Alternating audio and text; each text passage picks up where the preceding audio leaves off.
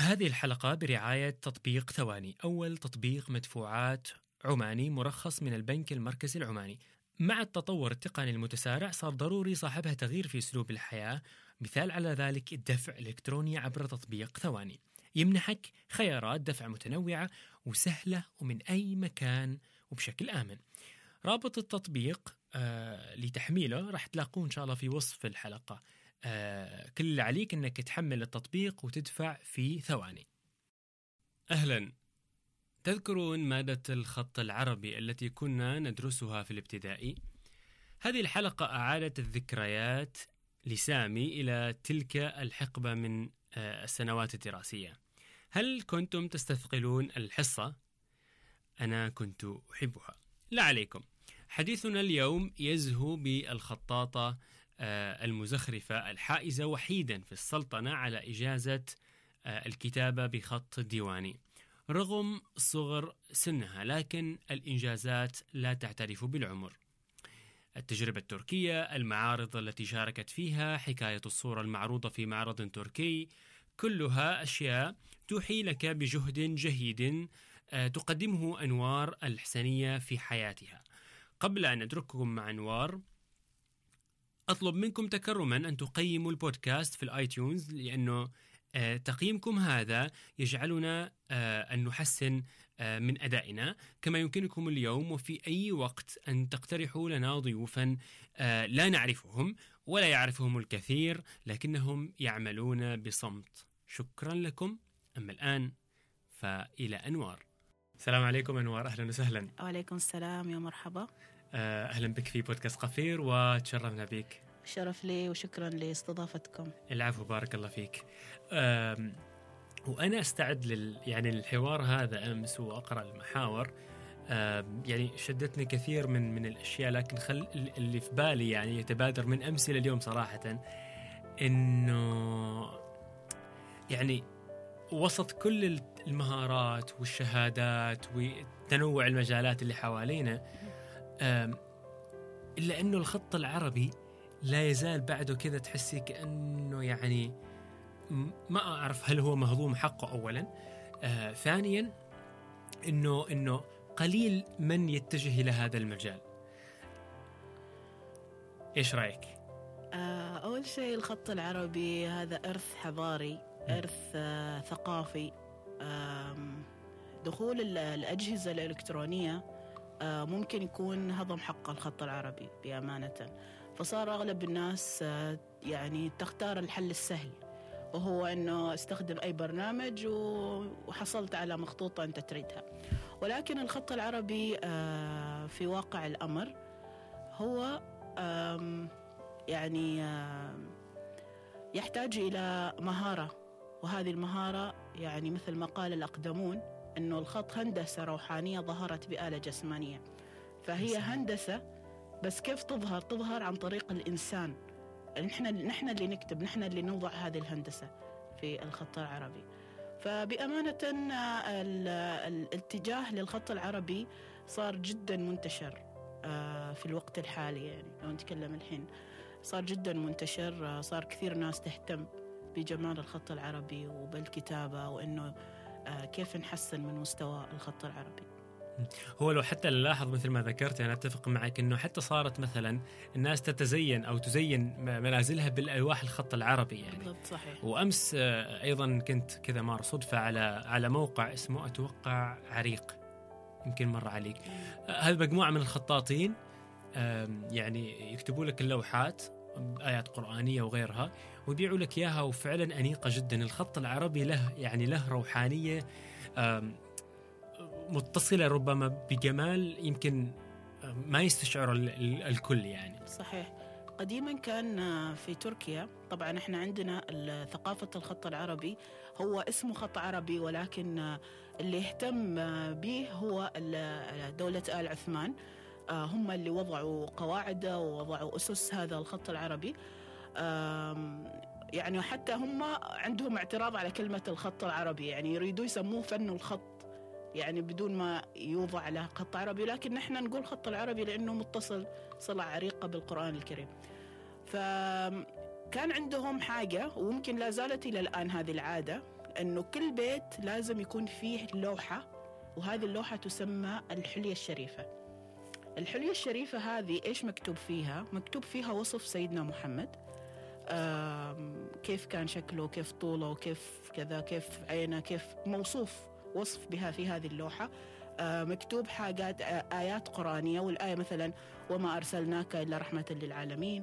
مثلا مذكور فيها أسامي الخلفاء الراشدين أو أسامي سيدنا محمد أو أسامي الله عز وجل. فهذه اللوحة عادة ما توضع في كل بيت يقول لك إن هذه البيت يعني حسب اعتقادهم إنه هذه البيت هذه اللوحة لما توضع في البيت ما يدخلها الشيطان أو ما تدخلها الجان. فكانوا جدا يعني يتبركوا بهذه اللوحة. فطبعا هذا أعتقد للان موجودة في في تركيا هذه العادة ما ما تركوها. بس نحن عندنا هنا شوية ثقافات مختلفة. ويمكن يكون هذا اعتقاد يعني منهم إنه إذا حطيت هذه اللوحة ما راح يصير كذا كذا يعني فاهم؟ جميل جميل. أنا. صراحة يعني شدني هذا الشيء. ولو نلاحظ يعني إنه إيش إيش السر في إنهم يعني يهتموا بالخط يعني العربي؟ بين قوسين إذا هم عندهم يعني لديهم اعتراف في إنه يسمى بالخط العربي. أكثر من العرب نفسهم. أيوه. فهم يعني هل هل هذا الشيء آه، يعني منذ منذ قرون آه، يعني متوا- متوارث معهم. أيوه هم متوارث معهم الخط فعلا. يعني في زمن يعني معين كان الن- الناس آه، في ال في ال إحنا بنسميه في الوطن العربي كان في حاجة يعني الخط اللي يكتب يكتب بالخط الكوفي. يعني نفس الخط اللي ظهر زمان آه، سيدنا محمد. لما الناس كانت تكتب تكتب بالخطوط الكوفية يعني. مو ما في خط هذاك الخط. طبعا الخط مراحل يعني أو آه بقول لك آه حسب العصور يتشكل ويتغير إلى أن ثبت. آه يكون في دراسات معينة يكون في كذا. ولكن في سنة من السنوات أو في حقبة من الزمن بنقول إنه العرب انشغلوا بالحروب الأهلية ومدري إيش فما ركزوا إنه إحنا لازم نحافظ على هذا على هذا الخط العربي اللي هو نحن اولا وأخيرا نكتب به ال- كلام الله سبحانه وتعالى. فتركيا استغلت الفرصة وأخذت هذا الفن. فاهتموا فيه. طبعا هالكلام قديم يعني. يمكن تقول يرجع إلى القرن السادس عشر السادس الخامس عشر يعني زمان. فكان الناس ياخذوا هذا ال- الخط العربي في تركيا يشرحوه يدرسوه دراسة عميقة جدا. فكان يعني حتى لو نرجع لأصل الخط العربي بنحصل أصوله في تركيا. التركيين أو ال- الأساتذة الأتراك هم اللي وضعوا الخطوط لهذه الخطوط هم اللي اخترعوا يعني لهذا المستوى. ممكن نقول هم اللي اخترعوا الخط الثلث خط الديواني خط. فبنحصل إنه أغلب الخطوط أتراك هم اللي وضعوها. عشان كذا هم نوعا ما آه، عندهم اعتراض على كلمة العربي لأنه نحن اللي تعبنا عليه. فكيف أيوة. العرب يأخذوه جاهز؟ لا لكن بعض بعض بعض أتوقع مسميات الخطوط لها ارتباط بالمكان. نعم. صحيح؟ أيوة. فهل هذا هل هذا ينف يعني يعارض مثلا إنهم هم اخترعوا هذا الشيء؟ لا ما يعارض بالعكس. مثلا عندك الخط الفارسي من اسمه هو ظهر في بلاد فارس. فارس. آه، ولكن في مؤسسين لهذا الخط في تركيا. يعني وضعوا خط ال- الفارسي اليساري. خط الفارسي كذا خط ال- في يعني ال ال الأساتذة اللي وضعوه أصلهم أتراك. ولكن مع حفظ حقوق المدرسة وين؟ الفارسية. فارسية. نعم. جميل. طيب السؤال الحين اللي اللي أيضا في بالي آه، كيف وصلتي آه، إلى الخط العربي؟ الخط العربي رحلة طويلة بالنسبة لي صراحة. آه، تعلمت الخط العربي في الجمعية العمانية للفنون التشكيلية في حي صاروج وكنت آه، ممكن أقول إني البنت الوحيدة بين آه، شباب كانوا يتعلموا الخط العربي وكانت حلقات اللقاء كل يوم ثلاثاء فأنا كنت أروح أتعلم معهم. آه، كنت في البداية أجلس مستحية وعلى صوب وما كنت أتكلم مع أحد وما أعرف كيف أكلمهم ما أعرف كيف كذا. مع مرور الوقت أخذت عليهم وصرت يعني مشاغبة صرت إني مشاغبه إيجابية. فكنت آه، يعني نص أقلامهم أخذها القلم اللي يعجبني. يعني كنت مستغلة الفرصة إن البنت الوحيدة يعني. فهذه أعتقد آم، في كل بيت حتى يوم تكون بنت وحيدة بين كل الأولاد فتحصل نصيب كبير من الدلال يعني. صحيح. فأنا كنت كذا. آه، أي شيء يعجبني عندهم عجبني القلم خلاص أنوار خذيه أنوار كذا. فكنت آه، أتعلمت معهم فترة طويلة آه، صاروا أخواني صاروا أصدقائي صاروا كل شيء بالنسبة لي. آه، بعدين بعد فترة طبعا كانت سنة 2010 الكلام آه، هذا بعد الثانوية؟ هاي بعد الثانوي مباشرة.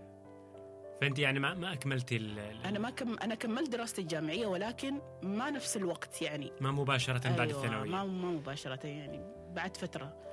انزين المهم آه، سنة 2010 شاركت آه، في الجمعية. بديت أتعلم الخط العربي معهم. بعدين آه، الأستاذ كان يدرسني أستاذ محمد قاسم الصايغ. فأستاذ محمد قال لي لا لازم تشاركي هالسنة في المعرض.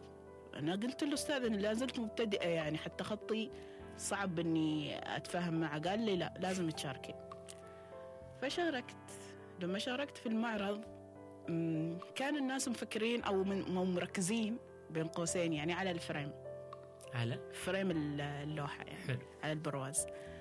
أنا سويت يعني البرواز مالي كان جدا بسيط جدا بسيط. أول مرة في حياتي أسوي frame حل لوحة معينة أو لوحة من لوحاتي. كان أول مرة وأول مرة أنتج أعمال يعني. وكان الخط هذيك الأيام نكتب بخط ديواني بس الخط عريض يعني 12 ملم. الحين مستحيل أصلا أكتب بهذا الحجم. مستحيل. خطي يطلع ما okay. فالمهم آه كتبت هذه العبارتين. كانت آه سلام قولا من رب رحيم واللوحة الثانية كانت وقولوا للناس حسنا. فسويت الفريم وكل شيء وما حد شاف اللوحة إلا وقت المعرض. أول ما جاء الأساتذة يشوفوا اللوحات طبعا الخطاطين كذا محطين مثل البوث. أول ما شافوا اللوحة الأستاذ اللي كان يعلمني قال لي أنوار أنت ما راح تفوزي. يعني كذا صدمني يعني. قلت له أستاذ. محمد. أيوه اللي كان يعلمني. قال لي ما راح تفوزي أصلا. ولوحتك شوفي مقارنة تعالي تعالي قولي تعالي معايا كذا نرجع للخلف وشوفي من بعيد. عملك مقارنة بالأعمال الموجودة عملك جدا تعبان جدا ضعيف. يعني يعني ما الحين أقول لك لا تحطي أمل. فما أعرف إيش كان قصده يعني. طبعا أنا جلست أبكي وسط المعرض وحتى الضيف يعني ما جاء وأنا خلاص ضيعت مكياجي قاص أصيح حتى يلا. فالمهم آه قلت على أخواتي خلاص يلا بنروح. أقول لا إحنا ما شفنا المعرض. قلت لهم لا خلاص أنا ابى أطلع. أنا ما أقدر أجلس ابى أروح. فالمهم طلعنا من المعرض اليوم الثاني صباح. اتصل في نفس شخص أستاذ. أوه أنوار مبروك الفوز مدري إيش. استغربت قلت له أنا اللي فزت. قال لي قلت له لا مستحيل ما أصدق يعني. قال لي لا وإذا ما تصدقي هناك في شخص برسل لك رقمه اتصلي فيه هو اللي خبرني إن أنوار فايزة. قلت له طيب. اتصلت أعطاني الرقم اتصلت.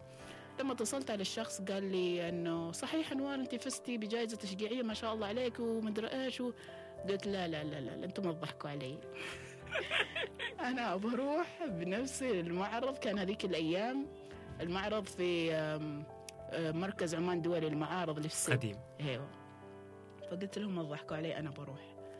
رحت بنفسي كان خلاص الساعة واحدة يسكر وأنا واصلة الساعة واحدة للمعرض. دخلت بس علشان أتأكد إنه فعلا أنوار فازت فعلا كنت فايزة في ال- المعرض آه، بالجائزة التشجيعية كانت نقلة نوعية. أول معرض أشارك فيه أول مرة أتعرف على الخط العربي أصلا وأحصل على جائزة. الحمد لله كانت لجنة التحكيم أصلا كلهم من خارج عمان يعني ما نعرفهم ولا يعرفونا. فالحمد لله كانت آه، انطلاقة قوية بالنسبة لي. وبعدها آه، حاولت إني أحافظ على مستواي. حاولت إني قلت خلاص بما ان أنا بديت بقوة مفترض إني ما أتراجع. مم. في المعارض القادمة إذا أنا جبت التشجيعية الحين المعارض القادمة لازم يكون مستواي أكمل وأفضل. جميل جميل جدا. طيب أنا برجع حتى على. إلى الخلف يعني شوية آه، أيام المدرسة أوكي. وهذا هو الأهم بالنسبة لي يعني أو إنه يعني أتوقع أتوقع إنه دخولك بعد الثانوية آه، ما بين عشية وضحاها وعبثا قلتي والله خلاص أنا بدخل ال- الجمعية وهكذا أكيد كانت في في تفاصيل جميلة عشتيها في أيام المدرسة أيام مادة الخط العربي أيوه اللي كنا يعني أو البعض يعني ربما كان أنا واحد منهم كنت أهتم بيها بصراحة أيوه. ال- الخط العربي طبعا أنا أعتبره هذه هدية من رب العالمين. إحنا سميناها موهبة. والموهبة معناته أن هذه هدية الله سبحانه وتعالى وضعها فينا. بس الحين الله سبحانه وتعالى أعطانا خيط. وإحنا. كيف آه، نكمل باقي المسيرة. فالخط العربي طبعا لما كنت آه، صف ثالثة ابتدائي يعني حسب ما أتذكر كانت في معلمة. أنا كنت أدرس في مدرسة مدينة سلطان قابوس. كانت في معلمة آه، تعلمنا اللغة العربية وانتبهت إنه خطي مقروء يعني مو خط الأطفال مع مو مثل خط الأطفال اللي يجي ملخبط وبصعوبة إن الواحد يقراه فكان خطي واضح جدا. فقالت لي من باب التشجيع إنه ما ما تكتبي بقلم الرصاص من اليوم ورايح في الدفاتر تكتبي بقلم الحبر. فصرت دائما أكتب بالقلم الحبر هذا كانت في بدايتي في المرحلة الابتدائية. بعدين سنة 2000 وسنة 2000 كنت صف يعني بصراحة ما أتذكر السنة بالضبط. بس كنت صف ثامن هذيك الأيام. آه، في الصف الثامن آه، اكتشفت إنه في مكتبة أبوي في كتاب للخط العربي اسمه قواعد الخط العربي للخطاط آه، محمد هاشم البغدادي. ف شليت هالكتاب خلاص يعني أول ما اكتشفته على طول الكتاب ملكي. خذيت الكتاب وصرت وين ما أروح هالكتاب معي.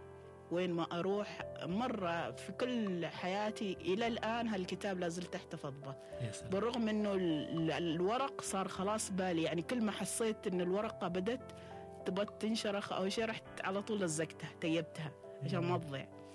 فكنت في هذيك الوقت إني آه، أقلد الخط العربي اللي موجود في هذا الكتاب قلدت النسخ والثلث والفارسي وكل الخطوط الموجودة. تقريبا يعني صرت يعني بس ما فاهمة إيش القواعد. مجرد تقليد سريع وبس يعني ما كان ما كنت أفهم في القواعد وكذا. فالمهم بعد ما خلصت الثانوية العامة طبعا هالكتاب لا زال معي آه، التحقت بجمعية الفنون حصلت الناس يتعلموا من نفس النموذج. فكان الموضوع بالنسبة لي وايد سهل. وايد سهل خلاص آه، أيوة. قطعتي شوط فيه. أيوه. أيضا كنت ما أحب الخط الديواني. كنت أشوف الخط الديواني صعب. يعني أساسا من أول ما كنت أقلد كنت ما أحب أتحاشاه. أحسه صعب هالديو هالخط. أقول هالخط وايد صعب يحتاج دوران, دوران يحتاج كيف يسوي كذا كيف؟ ما أعرف. فما أريد هذا الخط. أريد خط النسخ كنت حاطه في بالي. فيوم جيت عند الشباب حصلتهم يتعلموا خط الديواني. نفس النموذج المدرسة البغدادية. ولكن خط ديواني أنا قلت لهم ما أريد هالخط يعني ما يصير أتعلم خط ثاني قالوا لا. انت جيتي عندنا لازم تتعلمي هذا الخط. فانجبرت عليه تعلمته وبعدين صار كل شيء كان. عندهم سبب إنه لازم تتعلمي هذا الخط؟ هم يمكن علشان إن أغلبهم كان يكتب الديواني يعني. الأغلب كان مم. يكتب ديواني مثلا الأستاذ يكتب كل الخطوط بس آه، حصل سهولة إنه الأغلب يكتب ديواني فننمي موهبتهم أكثر في هذا الخط. في تخص يعني في مجال واحد. أيوه. جميل جدا جميل. وهذه المفارقة ال- ال- الجميلة إنه أنت ما انجبرتي على الديواني اللي كنت ما تحبيه مع ذلك آه، فزتي فيه بجوائز. أيوه حصلت على جوائز كثيرة صراحة في في الخط العربي. أم، كثيرة صراحة يعني بجلس أعددها. أه، حصلت على جائزة المركز الأول شيء في المعرض الأول اللي شاركت فيه تشجيعي. كانت تشجيعية. أه، حصلت على جائزة المركز الثالث. حصلت أه، على جائزة المركز الثاني يعني حسب السنوات. أه، بصراحة يعني بجلس أعددهن وايد المشاركات اللي شاركت فيهن والمراكز المتقدمة اللي حصلت عليها. يمكن معرض أو معرضين ما شاركت فيهم ابتعدت شوية لظروف ما. أه، رجعت أول ما رجعت الحمد لله كانت يعني المسيرة مستمرة. جميل. آه طيب. الآن أنت حاصلة على إجازة في الخط آه الديواني آه وبحسب يعني طبعا قول يعني قولك إنه آه ال- الشخص الوحيد في السلطنة الحاصل على هذه الإجازة. إيش فكرة الإجازة؟ إيش مراسمها وبروتوكولاتها يعني في الحصول عليها بعدين؟ آه، شهادة الإجازة حصلت عليها من عند الأستاذ آه، أنور الحلواني. أستاذ أنور الحلواني هو كان يعلمني الخط. طبعا بالإضافة إلى تعليم الأستاذ محمد. فكان الأستاذ أنور الحلواني يتابع معايا الخط العربي صحح لي تمارين وكذا آه، حصل على فرصة أنه يحضر عمان وعرض الفكرة على إدارة الجمعية ووافقوا أنه نقدم شهادة إجازة لأنوار آه، شروط الحصول عليها طبعا هذه يرجع إلى المعلم إلى المعلم نفسه. هل المعلم يعلمك مثلا آه، خط معين وهو شاف خلاص هذا الأستاذ أنك أنت مستواك صار قريب من مستواه. أو صرت متميز. فهني حسب الأستاذ نفسه يعني يعطيك الإجازة. طبعا الأستاذ لازم يكون مجاز. فالمهم آه، سنة 2012 آه، حصلت على هذه الشهادة. آه، كان طلب الأستاذ يخبر إدارة الجمعية يقول لهم أنه إذا ما كان الحاكم اللي يعطيها الجائزة هذه أو الإجازة يعني يكون شخص ما يقل مستواه عن الحاكم. فعرضوا الفكرة على ما أدري من بالضبط الين حصلوا يعني. أيوه حصلوا على الموافقة إنه سماحة الشيخ أحمد الخليلي وهم كانوا يعرفوا إنه سماحة الشيخ ما يطلع يرعي يرعى فعاليات نفس كذا يعني. ولكن سبحان الله جاء تكليف إنه آه، يحضر هذه الفعالية وبناء على طلب الأستاذ إنه لازم أنوار إذا تستلم هذه الشهادة يكون يستلمها شخص رفيع يعني. أيوه شخص رفيع يسلمها الشهادة هذه. فحصلت على الشهادة وكانت مثل ما خبرتك سنة 2012 آه، بعد ما تحصل على الشهادة هذه مو مجرد أنك أنت خذيتها وانتهى الموضوع. لا الشهادة هذه لازم تكون يعني آه، مسؤولية كبيرة عليك كيف أنك أنت تنقل هذا الفن وكيف تعلم بالطريقة الصحيحة. يعني مو مجرد تاخذ شهادة وانتهى الموضوع يعني.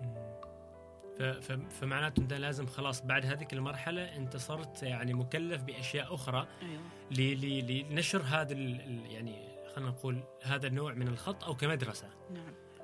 يعني أنت تكون مدرسة بحد ذاتك وتشتغل على هذا الخط وبأمانة يعني إلى الآن ما في حد حصل على شهادة الإجازة في عمان. هو حصلت عليها أنا كانت أول مرة وبصراحة يعني موقف آه، صار قدامي. في معرض الكتاب سنة 2020 كان أيوة السنة اللي طافت. آه طبعا قبل انتشار الوباء. لا ذيك الفترة كان بادي بالضبط. آه بإذني سمعت بنت ما كانت تعرفني سامعة عن أنوار الحسني بس ما تعرف شكليا كيف. فكانت تقول أنا عندي سؤال أريد أسأل تسأل مجموعة من الخطاطين. معنا نحن في معرض الكتاب عندنا بوث اسمه ركن الخطاطين العمانيين. فأنا كنت معهم. وهي ما كانت منتبهة. أساسا أو ما أقول ما كانت منتبهة ما تعرفني يعني. جميل. فكانت تسأل تقول أنا عندي سؤال يعني معقولة من عمان ما في حد عنده شهادة الإجازة غير أنوار الحسني؟ يعني معقولة؟ أنا هالشيء ما مستوعبت يعني ليش ما في خطاطين ثانيين يبذلوا قصارى جهدهم؟ ويحصلوا على هذه الشهادة. الحين صارت الشهادة يعني الواحد يسعى أنه يحصل عليها بس ما أعرف يعني كيف ممكن أن الواحد لازم الأستاذ اللي يعلمك ضروري يكون معاه شهادة إجازة. علشان أنه لما يجي يجيزك هو اوريدي عنده شهادة إجازة من أول. فبعدين الشهادات الحين يعني صار مثل ما نشوف المملكة العربية السعودية عندهم أستاذ ناصر الميمون. يعني ما شاء الله يعني كثير ناس أعطاهم شهادات الإجازة. فالحين الموضوع يتوقف علي أنا. يعني أنت عندك شهادة إجازة أنت جيزي.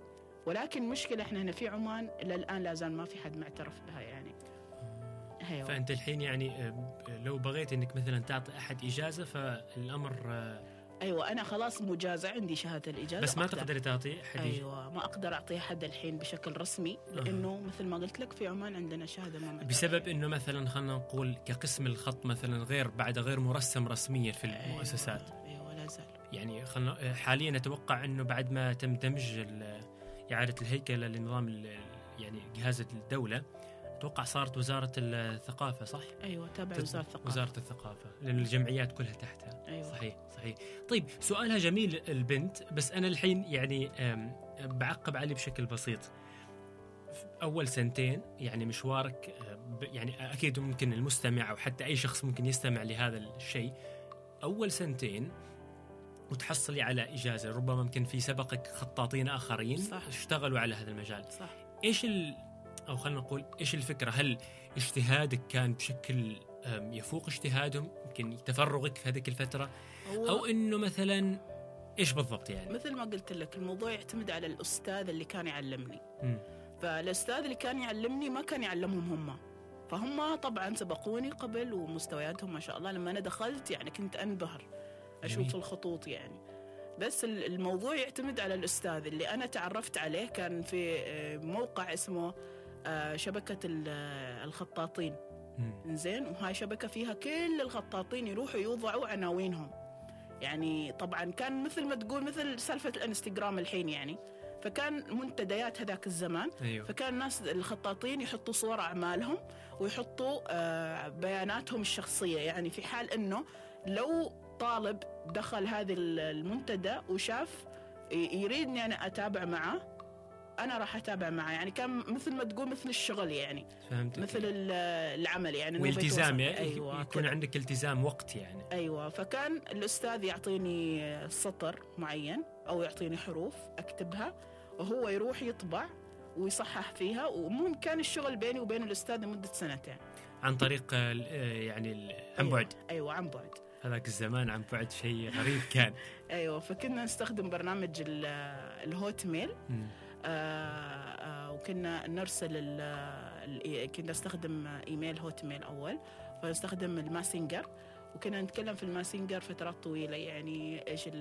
ال- كيف ممكن نطور الخط وكيف كذا وكيف كذا وإيش المشاكل اللي أنت توقعي فيها وكيف ممكن تحليها تعرفت على الأستاذ تعرفت على عائلته آه وبعدين لما حصل على فرصة إنه يحضر عمان حضر و, و... وتمت يعني موضوع ال- أيوه حتى لما جاي عمان جايب ملف فيه كل تماريني فعلى أساس إنه يثبت. إدارة الجمعية أيوه تثبت مو مجرد إنه هو عرفها الحين وجاي يعطيها الإجازة لا. م. فجاب لهم ملف يثبت إنه شوفوا كيف تطور مستواها إلى أن وصلت إلى هالمستوى. إلى هذا المستوى. جميل جدا جميل جدا. آه طيب المشاركات الخارجية. مشاركاتي الخارجية آم، ما كنت أروح أمثل السلطنة في في الخط العربي. كنت أروح أمثل السلطنة في مجال الزخرفه الإسلامية. حلو حلو. مز... أوكي. قبل أن ندخل ال... يعني الزخرفه الإسلامية آم، أنا هنا يعني خلينا نقول في بالي آه، نقطة أو تساؤل في ما يتعلق بالخطوط الأخرى على نفس سالفة الإجازة. الخطوط الأخرى ما يوجد أيضا أحد يمتلك إجازة في الخطوط الأخرى. هني في عمان؟ أيوه. لا. ابدا. طيب إيش إيش السر مثلا إنه يعني وهل هل مثلا إنه بس فقط خط الديواني هو المنتشر؟ آه، هو أو إنه في أشخاص مثلا يحبوا الثلث أو النسخ أو الكوفي مثلا؟ هو في خطوط أساسا الخطاطين في في عندنا خطاطين محترفين في الثلث وفي النسخ مم. وفي خطوط كثيرة يعني ما شاء الله في خطاطين. ولكن مثل ما خبرتك الأمر يرجع إلى الأستاذ. نفسه. الأستاذ نفسه. مثلا لو كان هذا الخطاط اللي يكتب الثلث مثلا آه، معلمه عنده إجازة والمعلم شاف إنه هذا الأستاذ أو هذا الطالب إنه مستواه يأهل إنه يأخذ إجازة يعطيه إجازة ما عنده أي مشكلة. جميل. بس آه، يمكن هم ما عندهم أساتذة آه، للمتابعة معهم. أيوه للمتابعة معهم وعندهم إجازات في الخط. يمكن ما أدري. جميل فاتورة الكهرباء، فاتورة الماء، فاتورة الهاتف والإنترنت و و و غيرها من الفواتير. ادفعها بكل سهولة وبضغطة زر من أي مكان بدون طوابير وبدون انتظار وبدون مشاوير. استمتع بالتقنية المالية عبر تطبيق ثواني. حمل التطبيق عبر الرابط في توصيف الحلقة وجرب أنك تغير اللغة في إعدادات التطبيق وتخليها باللهجة العمانية. خبرنا رأيك في مواقع التواصل الاجتماعي بعد هذه التجربة. طيب أنوار الحين بما يتعلق بمشاركاتك الخارجية آه كنت تمثلي السلطنة في أي مجال بالضبط؟ كنت أمثل السلطنة في مجال الزخرفة الإسلامية. وإيش الفرق بين الزخرفة وبين ال... يعني يمكن المستمع ما بيفهم آه، بين ال- الخط والزخرفة يعني؟ إحنا شوف إحنا نقول الخط العربي دائما اللي يكمله أو يظهره في أجمل حلة الزخرفة الإسلامية. فالخط والزخرفة مكملان لبعضهم البعض ولكن ممكن يكون أو يتبادر إلى أذهانهم يعني كيف كنت خطاط وبعدين فجأة صرت مزخرفة. جميل صحيح لأنه في آه. ناس تتساءل كنا نتكلم عن الخط الآن ندخل الزخرفة فوق أيوه وعندهم النمط شائع أنه الزخرفة غير والخط غير ربما أيوه لا ما في ما في فرق بينهم. الخط والزخرفة ممكن يكونوا آه قلبين في جسد واحد. جميل. يعني يمكن ما في فرق بين ال... أساسا أغلب الخطاطين بتحصلهم مزخرفين قديما يعني لأنه كان ما ممكن تتحط ورقة فاضية وفيها خط يعني كانت تجملها الزخارف الإسلامية.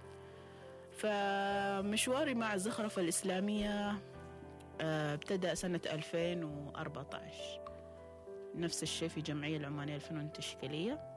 كان في برنامج اسمه برنامج إعداد خطاط آه، وضعته جمعية الفنون. وكان على أساس أنه يجيبوا خطاطين من خارج عمان. زين؟ هذا للخطاطين يعطوهم كل واحد مثلا يمسك خط معين ويعلم الخطاطين ويكون فيه يعني مخرجات من العمانيين. بس ما خطوا هذه الخطوة لأنه هم كانوا خايفين أنه نسوي برنامج كبير. والناس ما تلتزم بالحضور. زين فيعني تكون أنت تفشلت إنك تجيب خطاط على مستوى عالمي ولما تجيبه وقت التقديم الدروس حتى لو هو يتقاضى راتب شهري ولكن فشله إنه ما حد يحضر معه. وطبعا الناس اللي بتي بتكون ما دافعة يعني رسومها للالتحاق يعني مجانا. فالمعروف يعني الشيء المجاني الناس ما تلتزم, ما تلتزم. فيه فقالوا هم لا إحنا ما بنخطو هالخطوة الحين. إحنا بنشوف أول شيء بنجيب خطاطين مقيمين في عمان. زين؟ وكان في خطاط ومزخرف آه عراقي اسمه محمد آه آه محمد آه العبيدي. كنت بقول محمد بغدادي. محمد العبيدي فعلا هو من بغداد. آه عراقي مقيم هنا في عمان.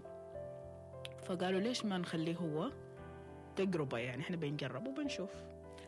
فعرضوا عليه إيش الخطوط اللي بتقدمها طلب خط الثلث والنسخ وبالإضافة إلى في حد يبغى يتعلم زخرفة الإسلامية أنا بعلم زخرفة.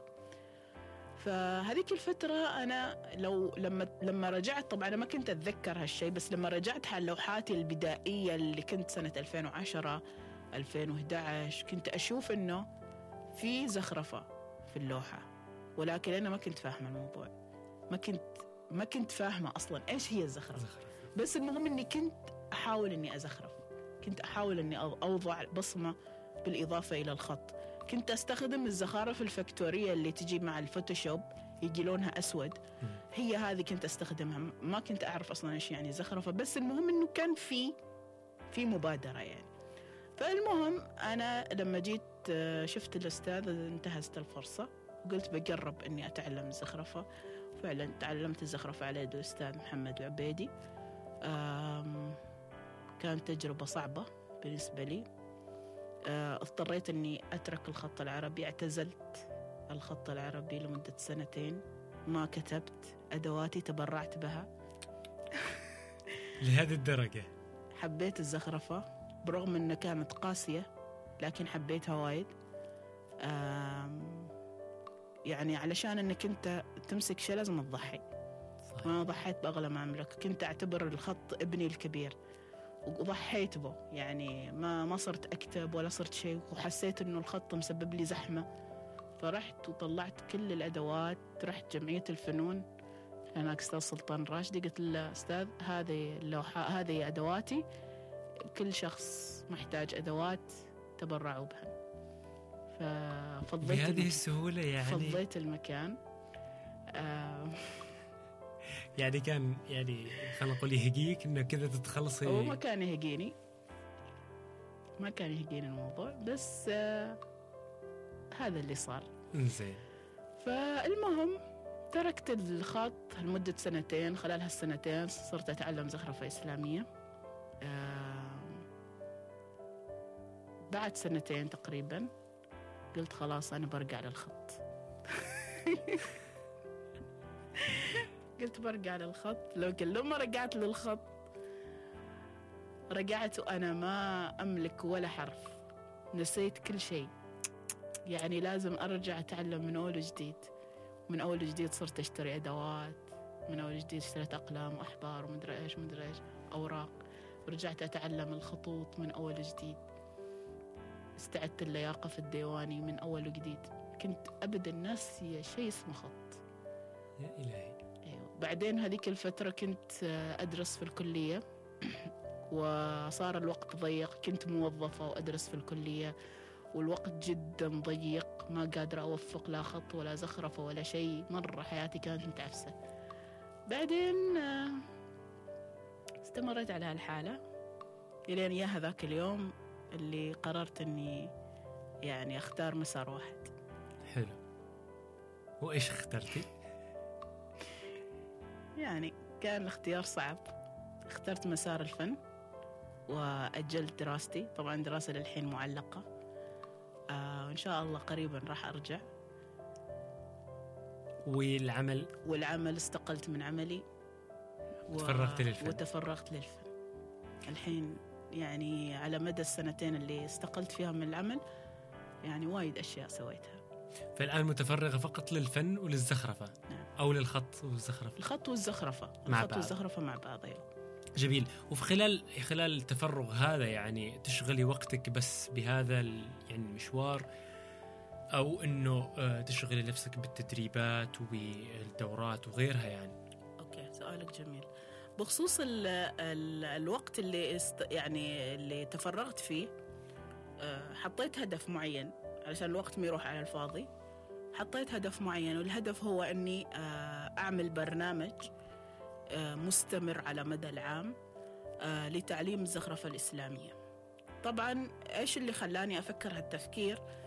إني لما أروح أشارك يعني في معارض دولية كنت أنحرج يعني. إنه الناس تسألني أو المشاركين يسألوني إنه ما في حد غيرك مشارك من عمان؟ ما في حد مزخرفين في عمان؟ فكنت أنحرج يعني من هالسؤال. فلا يعني فعلا أسأل نفسي يعني لهالدرجة الزخرفة صعبة؟ لهالدرجة إنه ما في مزخرفين؟ ليش ما في مزخرفين في عمان؟ كان اسئله وايد آه، تراودني. كنت أبحث عن حل.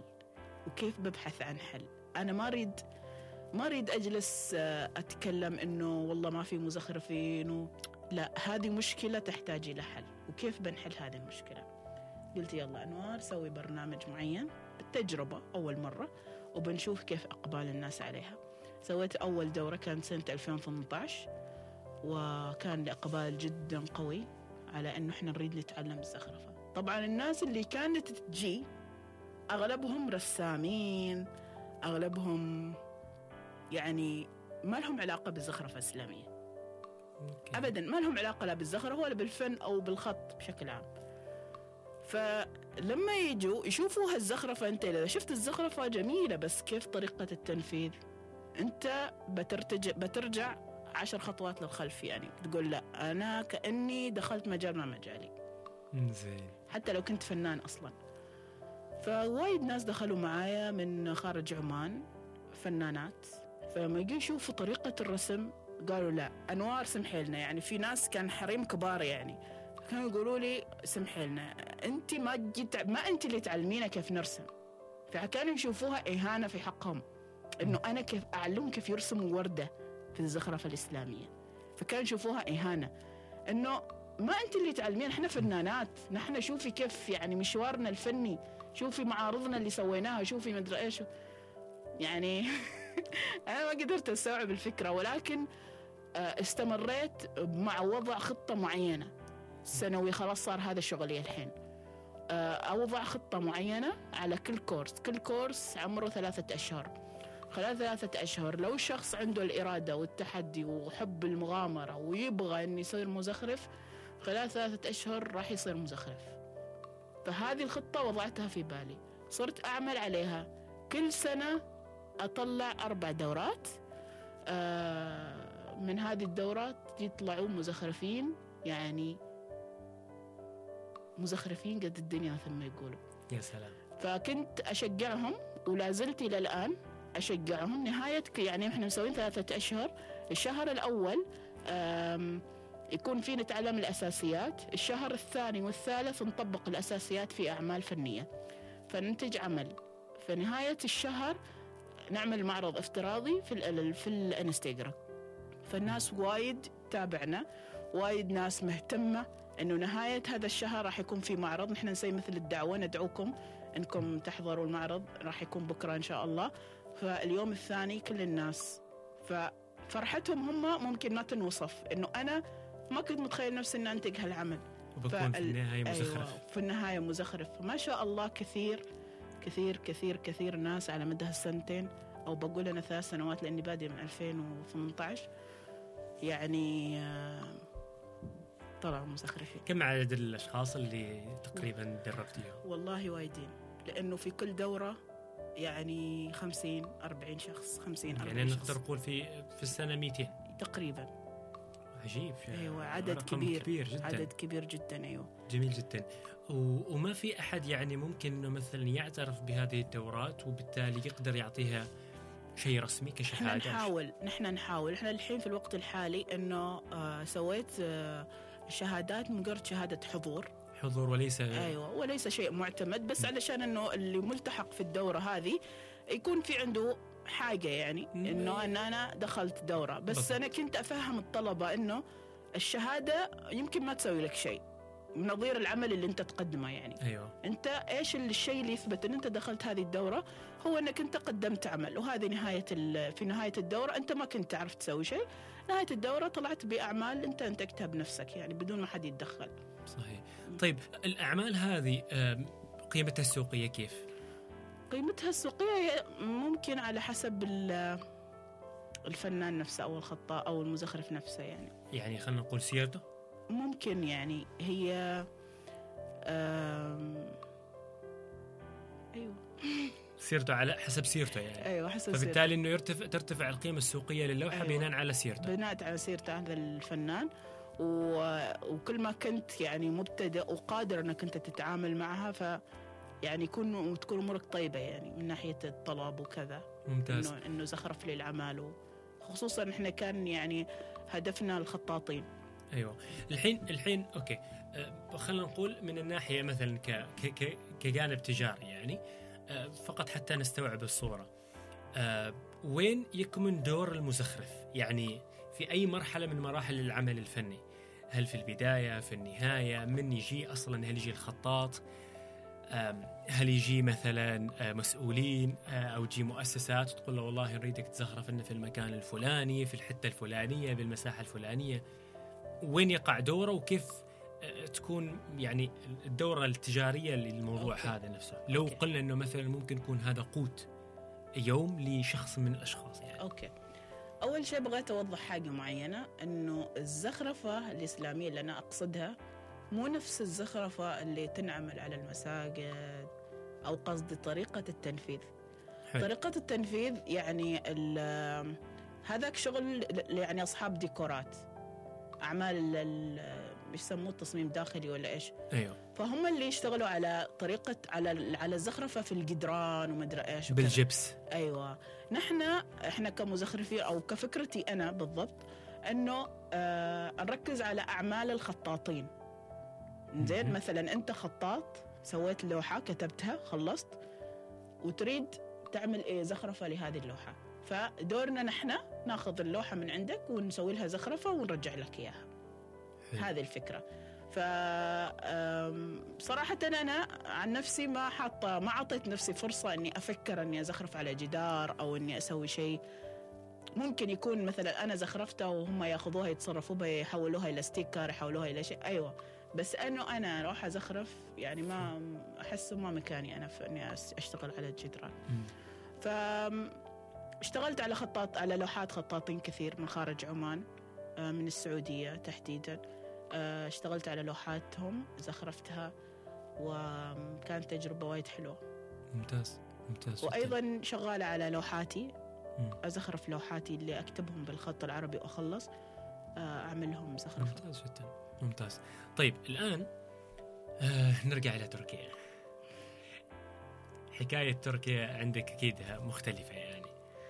آه سالفة ال ال- يعني الصورة المعروضة هناك آه كيف حكاية عرفتوا؟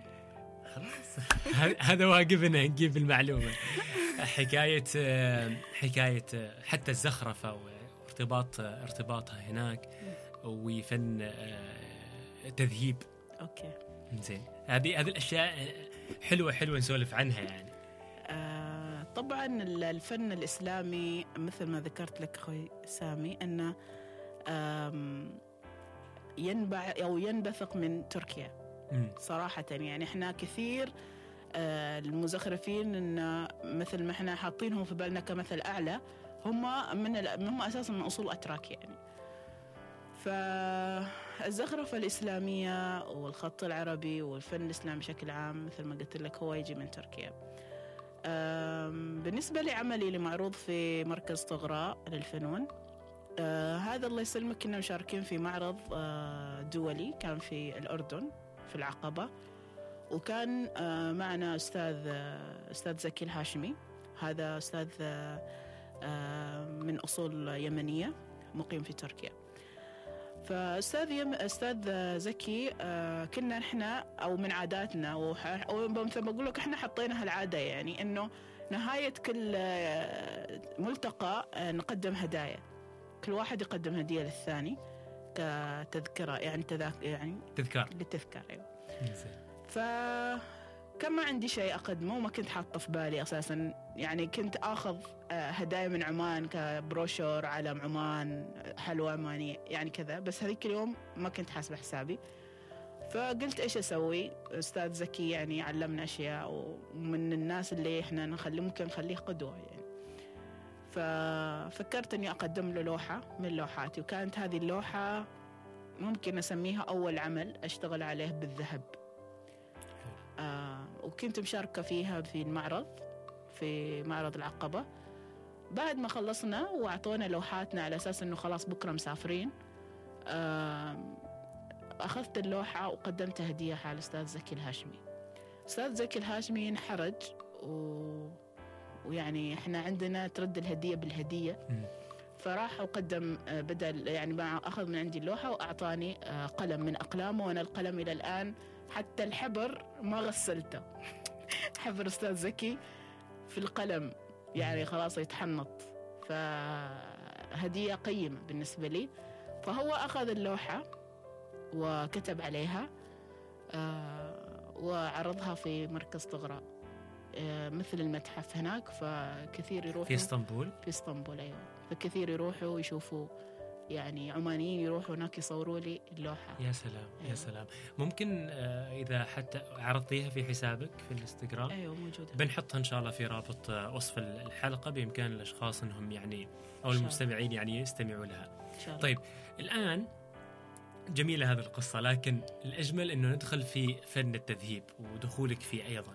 فإيش هو فن التذهيب؟ كيف تشتغلوا على فن التذهيب؟ إذابة ال- يعني صفائح الذهب وغيرها من الأشياء. هو سمي التذهيب فن التذهيب لأنه يعتمد اعتماد كلي على الذهب.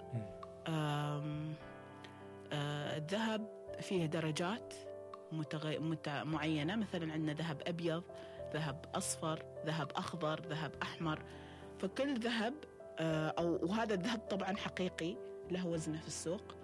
آه، كل آه، نوع له قراط معين. يعني مثلا آه، 16 قراط هذا ذهب أبيض.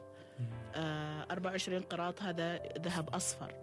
مثلا آه، 22 قراط ذهب أحمر. 19 قراط ذهب أخضر. يعني كل ما تغير القراط كل ما تغير اللون يعني. آه فال يعني يستخدموا نسبة الذهب أكثر من أي لون في اللوحة. عشان كذا سميت تذهيب يعني. مثلا عندنا آه، نوع من ال- الزخرفة الكلاسيكية. هذا يسموه التذهيب يعني فن التذهيب تمام؟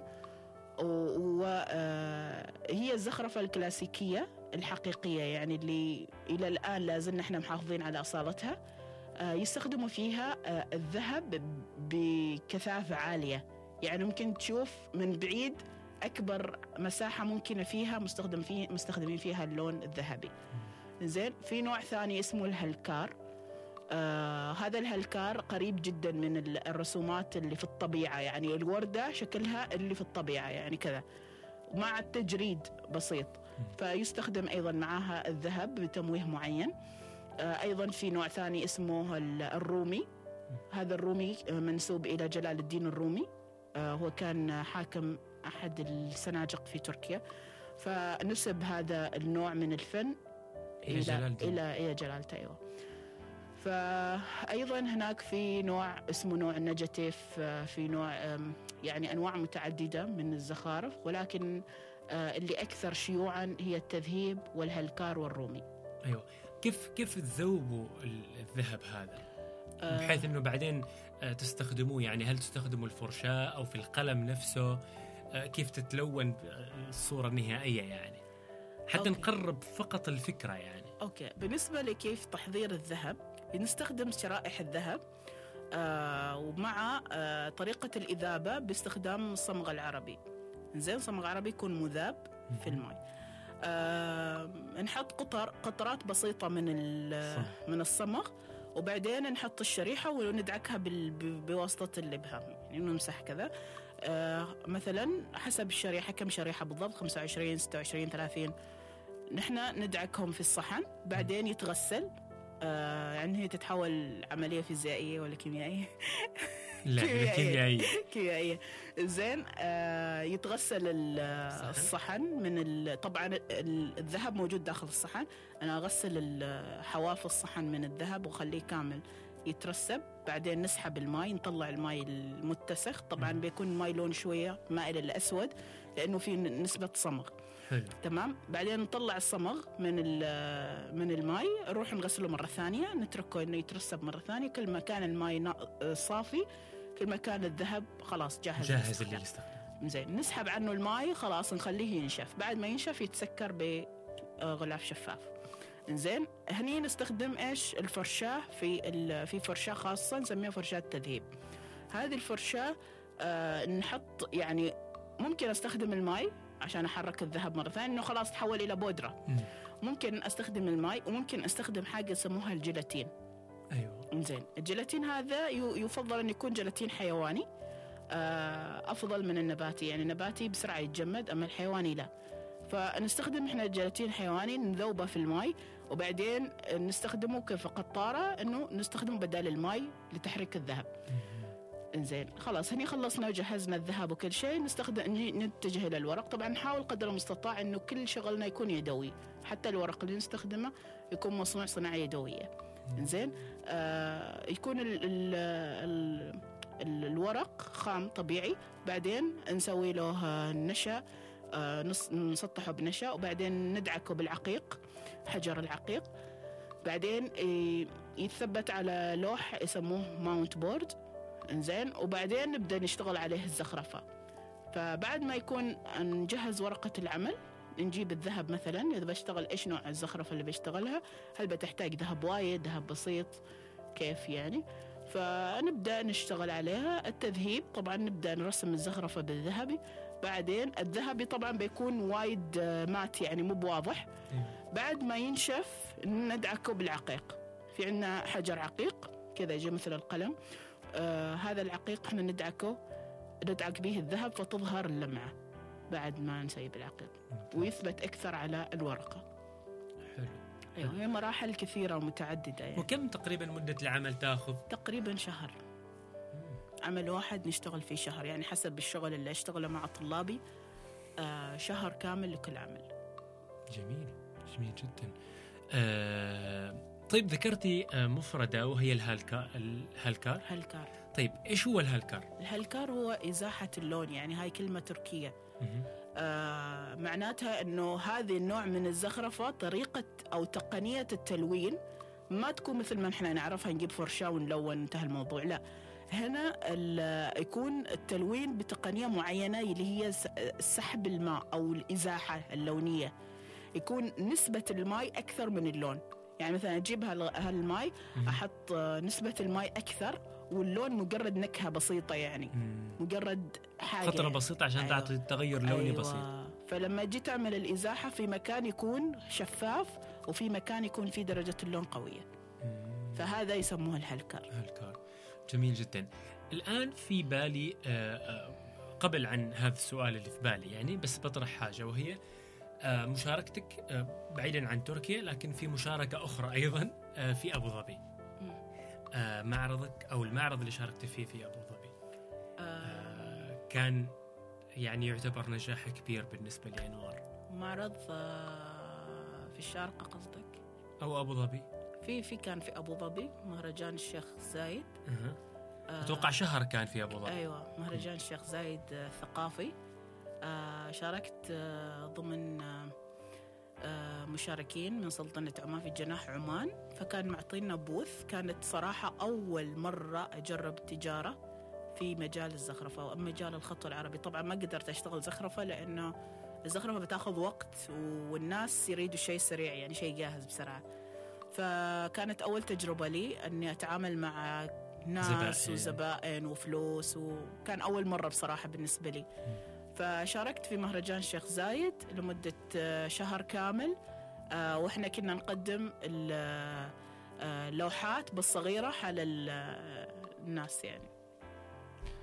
وكانت يعني كانت فقط لمدة شهر. هي مدة هي مدة شهرين بس عملوه يعني مجموعة راحت شهر ومجموعة ثانية راحت شهر ثاني. جميل. جميل جدا. آه طيب الآن آه، يعني خطاطين وزخرفة ونقوشات وغيرها من الأشياء. آه بس ما نرى يعني عند البعض يعني لكن ربما بنجي عند عند أنوار. ما نرى عند البعض إضافة قيمة آه وملموسة ربما نحصلها في عمان وعلى س- على سبيل على التوضيح يعني فكرة التوضيح إيش؟ إنه أنت شاركتي في في إنه تعملي نقش خاص لمصر عماني. طيب فخبرينا عنه وبعد ذلك بعقب علي لأنه في بالي شيء مرتبط بنفس الفكرة. آه لو بقول إنه يعني دخول الزخرفه الإسلامية في في المصر العماني طبعا إحنا في عمان يسموه نقش يعني أنا حطيتها في بالي إنه كانوا يقولوا زخرفة عمانيه يعني كنت أسمع في ناس تقول والله هاي اسمها الزخرفه العمانية. لا ما في شيء اسمه زخرفة عمانية. لأنه إحنا الزخرفة اللي عندنا في عمان واللي إحنا نشوفها في البيبان والمجالس والقصور ومدري وين هاي تسمى زخرفة مهاجرة. ولما نرج- نرجع لأصولها بنحصلها فارسية. يعني. نظرا لعلاقة عمان ببلاد فارس يعني في التجارة. فزخرفة مهاجرة. فجاءت عمان وانتشرت عندنا. حتى لو بنرجع نركز على ال- المصر العماني. المصر العماني فيه زخارف والزخارف ترجع إلى بلاد فارس. ف في بالي الفكرة من زمان فقلت ليش ما أقرب؟ طيب. آه، أسوي يعني زخرفة حقيقية على أصول حقيقية في مصر عماني ليش ما أقرب؟ خليني أقرب أشوف النتيجة إيش بتطلع. فقربتها كان مع مصنع المصار الصوفية آه، قربتها وجدا كانت تجربة ناجحة وكثير ناس إلى الآن تبحث عن هذا أو هذا التصميم. كثير ناس تبحث عنه إنه يقولوا والله هذا يعني فكرة جديدة علينا. فكرة أول مرة نشوفها. تشوف الوردة كاملة تشوف ال- المفردة واضحة مو مجرد أنها خيوط وخلاص يعني. أيوة. ولكن ما زال مستمر في بيع في بيعه يعني. أيوة أيوة لا زال في المصار أيوة الصوفي. أيوة في مصنع المصارة الصوفية في آه، مشروع اسمه شهم. إحنا المصر اللي نشتغل عليه اسمه شهم. آه وكثير كان يعني بصراحة إلى الآن يشتروا. جميل. إلى الآن. إحنا اشتغلنا على تصميمين. اشتغلت عليهم أنا. التصميم الثالث يعني تشاركنا فيه. يعني أنا اشتغلت جزء وهم اشتغلوا جزء وما شاء الله كثير آه، الناس تطلبه يعني حتى لما كان مفتتحين المصنع آه، أنا حضرت في الافتتاح وعلى أساس إني بتكلم عن الزخرفة اللي في في المصر كان راعي الحفل آه، يعني كان مستغرب يعني لدرجة إنه حمل ال- المصر من مكانه عشان يتأكد إنه يعني إيش أول مرة أشوف كذا يعني. فكانت صراحة تجربة وايد حلوة جميل. جميل الآن السؤال اللي في بالي ما لاحظت يعني حتى حتى الآن وما أعرف هل هذا يعني هو خلينا نقول مسؤولية الفنانين أو الخطاطين في عمان أو مسؤولية الجمعية سابقا أو مسؤولية رسمية. ما وجدت منصة آه، خلينا نقول بالوقت الحالي منصة رقمية توحد آه، وتعرف الخطاطين والفنانين العمانيين بمختلف فنونهم. يعني نتكلم عن فن التذهيب أنوار ورفقائها وزملائها وطلبتها. فن الخط الديواني أو الخطوط العربية كذا كذا ما وجدت شيء. وأعمالهم وسيرتهم وكل حاجة. بينما مثلا لما تدخلي مثلا في أحد المواقع التركية أتوقع موقع رسمي مجمع لك كل الفنانين بمختلف أعمارهم يعني من 1940 و50 أعمارهم إلى الوقت الحالي. ف إيش تعقيبك؟ صراحة شوف الموضوع هذا يرجع إلى المسؤولين عن هالموضوع يعني ما ممكن شخص يشتغل بنفسه على هالموضوع يعني موضوع كبير مو بسيط يعني يمكن في جهة معينة في تركيا ماسكة شغلها هذا يعني آه هاي موضوع أتوقع أنه إحنا ما نقدر نتدخل فيه. لأنه أنا لما بعمل إحصائية هاي إحصائية مستمرة يعني مبين عليها أن الناس تشتغل عليها يوميا. يوميا يضيفوا أشخاص يضيفوا معلومات يضيفوا ينقصوا أشياء. فاللي أعرفه أنه جمعية الفنون التشكيلية يعني يمسكوا سنتين. خلال هذه السنتين يجمعوا فيها الفنانين. يعني مثلا سنة 2017 2018 مثلا. فهم يجمعوا الفنانين مال هذه السنة اللي ظهروا في هذه السنتين أعمالهم سيرهم الفنية يعني هذا الشيء اللي أنا أعرفه. بعد سنتين يعني يروحوا يعملوا أبديت يعملوا تحديث حال هذه حال هذا للفنانين. طبعا ممكن هم مركزين على الأشخاص اللي منتسبين في جمعية الفنون. فنحن نلاحظ إن بينهم معهم تواصل إنه إحنا نريد نحدث بياناتكم الفنية. مثلا إيش المشاركات اللي شاركتوها خلال هالسنتين مثلا؟ إيش الأشياء اللي سويتوها؟ إيش اللي؟ ويكون في تحديث معين بس هم فكرتهم إنه يعملوه في كتاب مطبوع. أيوه. فهمتك أيوه. ففي النهاية إنه يكون خلاص كام؟ كنتيجة ومحصله نهائية كتاب مطبوع. أيوه. بس يمكن الكتاب المطبوع ما يحقق أيوة انتشار. في الوقت في الوقت الحالي, الحالي أيوة. يعني ما بيحقق انتشار كبير يعني وأتوقع إنهم ممكن يراجعوا هذه الفكرة يعني. مع إنه الوقت الحالي يعني وقت. منصات رقمية يعني أيوة. الكل كل ممكن يبحث. ضغطه زر تبحث أيوه. وتحصل. يمكن هم عندهم الفكرة يعني بس صراحة يعني هذا الشيء اللي أنا أعرفه إنه هم يتواصلوا معنا بعد كل سنتين يعني التواصل لمعرفة الأحداث الفنية اللي صارت معك. أو إنك أنت عدل في السي في مالتك وارسل لنا إياها. إحنا نشوف إيش اللي زاد خلال هذه السنتين. أنت إيش اشتغلت؟ إيش سويت؟ أيوه. زين سؤال أخير. آه، أختم في يعني هذا اللقاء بس آه، يعني الآن فقط جاء إلى بالي يعني فيما يتعلق إنه آه، سابقا نلاحظ في معاهد تقدم دورات في الخط. حاليا قلت يمكن ربما بنسبة كبيرة جدا أو أن قل خفوتها الإعلامي أو الظهور. هل هذا يعني خلينا نقول ما أعرف إيش أسميها ولكن مؤشر على أنه عدم اهتمام؟ لا. ما عدم اهتمام. لأنه صار الحين أول كان زمان ما في إنترنت. ما في إنستغرام. ما في أي برنامج تواصل اجتماعي. فكان الواحد اللي بيتعلم يروح يضطر إنه يروح مؤسسة معينة. يروح معهد يروح جمعية يروح علشان يتعلم. الحين يعني زمن الرقميات فصار اللي خطاط يسوي دورة بنفسه. فهو يعمل دورة يجمع طلبة يعملهم دورة لفترة معينة وبعدين خلاص يعني صارت خلاص الحين اللي بيتعلم تعلم رقمي. أيوه تعليم رقمي. يعني طيب. نادر جدا إن معاهد وحضور و... طيب آه، نقطة يعني مهمة أيضا ذكرتيها في الجانب هذا. الآن علاقة الخط والزخرفة مع وجود تقنيات وبرامج Photoshop Illustrator وغيرها من من هذا الشيء يتعارض مكمل إيش ال آه، بصراحة وخ... خاصة انه حتى الخط العربي عذرا عن المقاطعة ولكن أيضا في برامج أتوقع كان إيش اسمه إيش اسمه يا أخي؟ كليك عربي. كليك أيوه. مثلا. فهل يتعارض يساعد يقدم إيش؟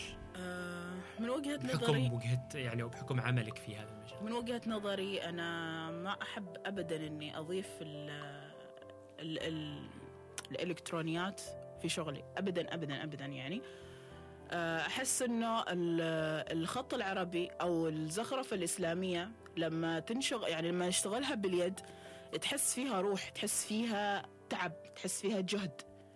أكثر من لما كنت جالس وعلى ال mouse click click click وانتهى الموضوع.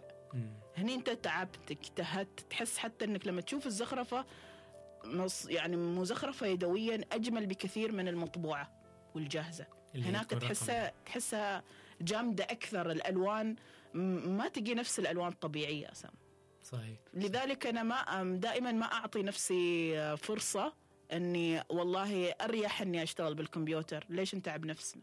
إحنا كذا بهذه الطريقة آه، نساعد على إنه هذا الفن يندثر يعني. ما ما ما نخليه ينتشر أيوة. بشكل إحنا نحاول إنه نحافظ على استدامة هذا الفن وانتشاره ب- بطريقة صحيحة.